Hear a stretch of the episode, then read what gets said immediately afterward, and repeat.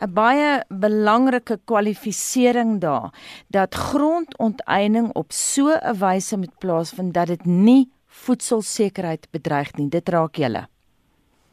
Ja, natuurlik uh, Anita, maar dit is hoekom ons dan nou ook ontevrede is met die paneel se aanbevelings dat ons 'n wysiging uh op artikel 25 van die grondwet het en dan is daar ook uh ander uh aan um, uh aanduidings dat nog twee wysigings die uh, skuif van die 1913 afsnydatum en dan ook om die grondwet te wysig om uh afsettings vanaf plase onmoontlik te maak. Jy weet en dit is als dinge wat beleggers onvriendelik is. Dan staan nog ander voorstelle van grondplafonne en grondbelasting ehm um, en dis meer en uh, dit is beleggers onvriendelik en jy kon oor die naweek agterkom uh met baie boere wat ek gesels het dat die vlakke van onsekerheid eintlik net verhoog uh en dit is hoekom uh, as ons hierdie tipe voorstelle gaan uitvoer uh dan gaan dit voedselsekerheid bedreig. Gaan ons boere landtyd sien trek? Nee, ek glo nie. Uh ons moet besef hierdie is uh voorstelle, so dit is uh die paneel se voorstelle. Ek dink ons moet uh, kennis neem van minister Toko de Diza gistermôre by die perskonferensie en dit is hoekom ek nog heeltyd sê sy is 'n senior aanstelling uh met baie ervaring. Sy het onmiddellik na die perskonferensie het sy uh basies uh oorgeneem en sy het vir mense begin verduidelik wat die kompleksiteite is van al hierdie aanbevelings laat van hierdie aanbevelings oor departemente strek en sy het ook uh, op 'n vraag oor oor ons aanvullende verslag gesê uh, dat hulle daarna sal kyk en ek dink die besluit van die kabinet om uh vir al die ministers 2 maande kans te gee om hierdie verslag te bestudeer is positief so ek dink uh ons moet daai ons moet daar dophou uh hoe die minister van landbou hiermee gaan handel en op hierdie stadium is dit 'n uh, bloot advies wat die paneel dan aan die minister gee. Jy gebruik nou woorde soos positief. Dink jy julle sal op die ou einde julle sin kry?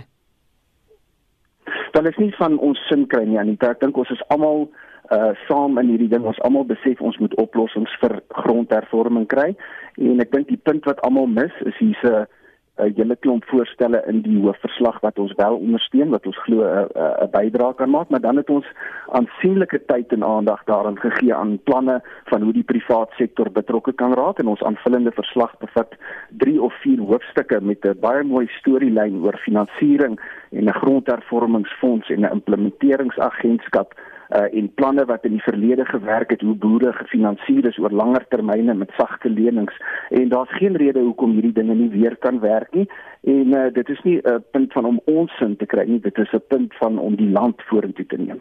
Dan watter punte steun julle wel? Ehm um, daar is 'n hele lys Anita. Uh, ek gaan net vir julle 'n paar voorhou en dit is hoekom ek sê dit is dan nou nie, nie net doom and gloom nie. Ek dink die paneelverslag praat oor korrupsie. Uh, en dit is een van die redes wat die Moetlantie verslag ook um, uitgebring het. Daar word gepraat oor ehm, 'n um, grondaudit dat ons nou finaal daarmee 'n dokument het waarvan ons almal vanaf dieselfde bladsy af kan lees. Uh, daar word gepraat van produksieondersteuning uh, vir boere om staatsgrond in produksie te bring, om die plase wat reeds oorgedra is in produksie te bring, om beter riglyne te kry om om die uh, die begunstigdes te kan kies en dan is daar ook in die verslag uh 'n paar verwysings na die uh, ontwikkelingsagentskap en die grondhervormingsfonds ensovoorts. So daar's baie positiewe aspekte waarop ons kan werk, maar ongelukkig is daar daardie aspekte waarmee ons nie kan saamgaan nie. Net kortliks dan, ons het so baie tyd nie, maar julle het nou 'n minderheidsverslag oor onteiening van grond sonder vergoeding saamgestel vir die wat dit nie te siene gekry het nie. Wat behels dit? Die uh, die aanvullende verslag is hoofsaaklik waar ons uh, ek en Xerfontein sê uh, ons is ons is toegewy tot uh, volhoubare grondhervorming. Ons lys in uh, daai verslag al die aspekte wat ek nou genoem het waarmee ons saamstem. Ons lys ook die waarmee ons nie saamstem nie. Ons het 'n regsopinie van uh, um, uh, professor Elmini Plessis daan wat aandui dat daar geen regstegniese rede is hoekom ons die grondwet moet verander nie. So uh almal wat 'n uh, wysiging aan die grondwet uh, voorstel sal moet sê hoe hulle regstegnies by daardie aanbeveling um uitgekom het. En dan is daar natuurlik die 3 of 4 hoofstukke waarvan ek gepraat het wat in detail vir ons sê hoe die private sektor betrokke kan raak en grondhervorming uh, positief kan um, kan laat plaasvind. Ja, professor Elmin Du Plessis sê dit nou al baie lank al, dis nie nodig om die grondwet te verander nie. Ons het ook op monitor met haar daaroor gepraat. Maar in praktiese terme dan, jy het nou verwys na die feit dat uh, die kabinet en ander rolspelers gaan nou hierdie verslag bestudeer. Daar's nou 2 maande. Ek verstaan dis dan die spertyd. Wat gebeur na 2 maande? Wat is nou die volgende stap? Uh, Anita, ek kan nie vir jou sê wat die volgende stap sal wees nie. Ek dink hier sal nou baie gesprekke wees. Ek dink ek wil mense aanraai om die verslae te lees. Ek dink ons moet 'n uh, openbare debat hieroor aanmoedig en uh, dit is wat die wat die verslae uh, hopelik sal bewerkstellig. Dit is nou vir die eerste keer in die, in die openbare in die openbare domein. Ek dink hier sal gesprekke met die minister van landbou plaasvind. Ek sien persoonlik uit na ons eerste vergadering met haar want dit ek dink dit is waar ons die rigting uh, van hierdie dinge gaan sien en in die tussentyd sal Agri SA aangaan met dit wat ons doen. Ons is besig om uh, planne te maak om boere te vestig om landbouontwikkeling in kommunale gebiede te laat plaasvind. Ons werk gaan onverpoost aan en ons wil implementeer. Baie dankie en so sê die president van Agri SA Dan Kriek en ons bly by die storie en ons praat nou verder hieroor met 'n politieke ontleder aan Noordwes Universiteit op eh, Potchefstroom Theo Venter. Theo, goeiemôre. Môre Anita. Hoe reageer jy op die advieskomitee se aanbevelings? Wel, dit was van die begin af duidelik dat hier 'n ideologiese probleem in die hele komitee was wat natuurlik uiteindelik daartoe gelei het dat twee lede ehm um, Dan Creek en Nick Serfontein ehm um, 'n aanvullende verslag of 'n tweede verslag ingedien het en die die ideologiese probleem was soos volg. Die komitee was gekonfronteer met 'n besluit wat die regerende party reeds geneem het by Nasrek, naamlik dat daar onteiening sonder vergoeding moet wees. Hulle was gekonfronteer met 'n besluit wat die parlement geneem het dat die grondwet gewysig moet word. En toe kry hulle die opdrag gaan ondersoek nou grondhervorming en sê vir ons wat is die pad vorentoe? Wat ons gesien het in die hoofverslag as ek dit so kan noem. Die hoofverslag het gewerk binne die grense wat daai ideologiese besluit vir hulle neergelê het terwyl Nick Serfontein en Derek Creek het gesê wag ons gaan ons laat inbind deur 'n voorafgeneemde besluit om ons adviese aan landbou te gee nie ons gaan ook buite die raamwerk dink en ek dink dis basies die twee verskille tussen tussen die verslae dat dat dit noodsaaklik is dat dit moet gebeur. Dit word nie eers bevraagteken nie. Maar ehm wat ek hou van Nick Serfontein en Dan Creek se verslag is hier werk ons met twee praktiese boere. Hier werk ons met mense wat in die landbou is wat reeds sekere suksesse behaal het terwyl die hoofverslag ehm um, met dit met my tong in die kies 'n meer akademies teoretiese besinning oor wat nog kan gebeur. En dan moet daar ook gesê word dat uh, beide Serfontein en Kriek is pragmaties genoeg om te sien dat verandering moet kom. Daar daaroor is geen twyfel nie. En en in hulle persoonlike eh, omstandighede en daar waar hulle betrokke is, dit reeds gedemonstreer het. En nou die die sleutelpunt tussen die twee verslae is natuurlik die rol wat president Ramaphosa speel. Hierdie verslag was 'n tipiese voorbeeld van hoe hy sy besluitneming ehm um, rig, naamlik kry iemand om daaroor navorsing te doen. In rugbytaal noem ons dit 'n kantlyn skoppie. Ek ek koop so 'n bietjie tyd om om net mense te laat besin en daaroor te dink. En dan wanneer die verslag gelewer word, is natuurlik advies, dink ek soos Dan Krieg reeds uitgewys het, dan het die president tyd om nou te besin oor wat van die verslae gaan hy implementeer en wat nie. En dit het ons nou oor die naweek gehoor ook in die twee maande om dit te bestudeer. Ek dink nie daar gaan vinnige besluite geneem word nie.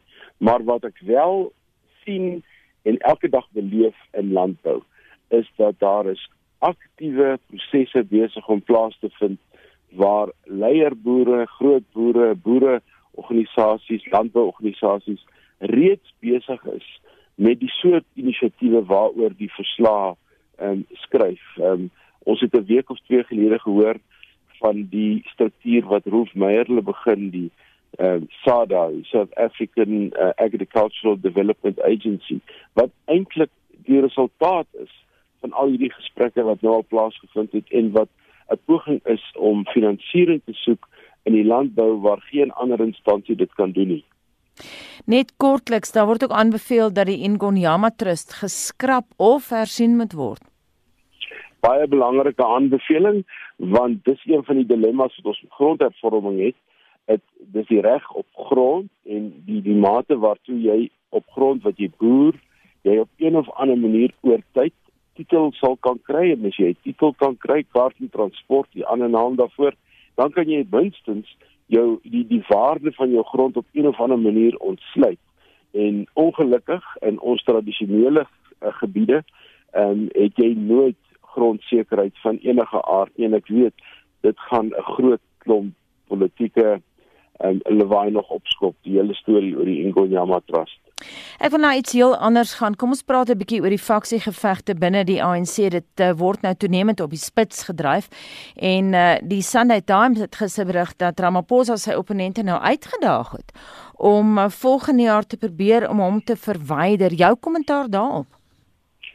Ja, ek dink hierdie hele naweek in die nasionale uitvoerende komitee was uh na die indrukke wat ek kry uit gesprekke en ook dit wat ek gelees het is dat die um, dat daar het um, daar het bloed geloop polities gesproke. Ehm um, intense gesprekke. Wat vergaan het oor ehm um, die die beweringe oor Hanekom wat waarskynlik sou gegaan het oor meneer Ramaphosa Zuma se optrede tydens die Zondo-kommissie en ehm um, waarskynlik die persverklaring wat Ysmakashule middernagtelik uitgereik het wat lyk asof uh, meneer Derek Hanekom reeds skuldig bevind is. Mm. Hier sou hier sou groot gesprekke plaasgevind het en alles dui daarop dat um, dit wat ons oor die laaste 2 weke eintlik so half vir mekaar gesê het na aanleiding van die goeie rugby wat ons gespeel het. Ons weet almal hoe speel meneer Ramaphosa sy politieke spel, die sogenaamde lang spel. Dis amper so voorskrifklik en so voorspelbaar as wat Suid-Afrikaanse rugby is. Skielik oor die laaste 2 weke het ons 'n klein skrimskakeltjie wat aan die steelkant verbykom en drie druk. En ek hoop meneer Ramaphosa het oor die naweek sy steelkant spel ontdek, die kort spel, dat hy ook so nou en dan 'n bietjie 'n dreigende houding kan inneem of 'n uh, uitdagende houding kan inneem want um, dit dit word nodig. Dit word van oral oor word die vraag gevra: het meneer Ramaphosa die vermoë om ferm op te tree, streng op te tree en uiteindelik in landsbelang sekere besluite te neem? Kom ons hoop wanneer die perskonferensie Dinsdag plaasvind, is dit wat ons hoor. Ek wil aansluit by jou Theo. Dis nie die eerste keer dat ons sien dat Ysmagashule 'n mediaverklaring uitreik nie. Ons het gesien wat hy uitgereik het oor die Reserwebank en daar's openlik gesê dat dit nie die gevoel binne die ANC was nie. En nou het ons weer die nuutste verklaring gesien oor Derek Hanekom. Hoe gaan die ANC en Cyril nou vir Ysmagashule bestuur? Wel, um, net om net om jou punt verder te neem oor die naweek het daar ook 'n lys be bekend geword vir wie die nuwe um, interim bestuur in die Noordwes provinsie gaan wees. En as jy mens die name lees, dan slaan jy jou hande saam, want dis die ou supra mense wat op die lys is. Mm. Hier en daar van die nuwe mense, maar dit sê eintlik dat ehm um, in Noordwes is eis nog steeds in beheer, net soos in die Vrystaat. Die die uitdagings wat van die eis Magashule kant af gebring word is groot en dit gaan ferm optrede moet verg. En ek hoop dat uit die Zondo-kommissie wat nog verder gaan loop en uit Istina en sekere ander sake wat al dieper en dieper krap al nader en nader aan die premier se rol in die Vrystaat kom gaan die um, politieke ruimte vir 'n Maposa al hoe kleiner word. Want dit is die sleutelspel en ons het ook gehoor dat Ramaphosa het vir die ehm um, uh, NEC gesê in die K dat ehm um, hy is heeltemal gemaklik om te wag vir volgende jaar se nasionale ehm um, algemene raad of hoofraadsvergadering. Ehm um, uh, as hulle hom daar wil uitdaag, uh, ongelukkig kan daai uh komitee of daai vergadering wat volgende plaasvind, kan nie iemand ehm um, uh, afdank nie. Dit is 'n adviserende soort raad, maar dit klink tog vir my asof ons van nou af tot middel volgende jaar en hierdie spel gaan sien uitspeel. Wat van die openbare beskermer? Wel, ek ek dink sy het daar ehm um, het daar chips gehad as jy vir my vra.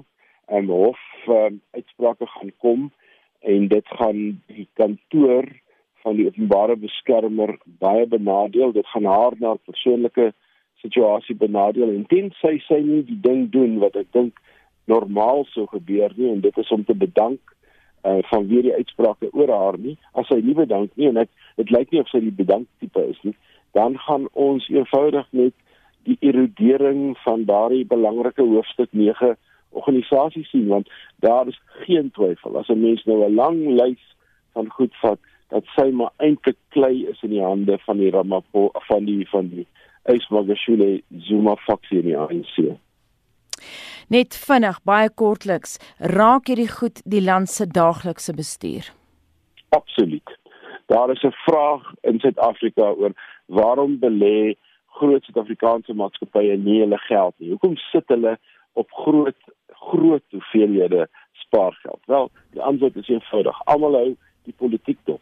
Almal hou dop waar toe gaan hierdie ding. Is Suid-Afrika besig om 'n opwaartse kurwe of 'n afwaartse kurwe te lei? Daar is groot vrae oor hoe hanteer ons ons staatsondernemings en al hierdie goed kom neer op die vermoë wat die kabinet het om besluite te neem en op die oomblik is die ANC vasgevang in 'n soort verlammende kompromis wat daar tussen hierdie twee faksies ontstaan het. En 'n verlammende kompromis beteken jy kan nie die belangrike besluite neem wat jy moet neem nie. Daarom sit almal terug en wag.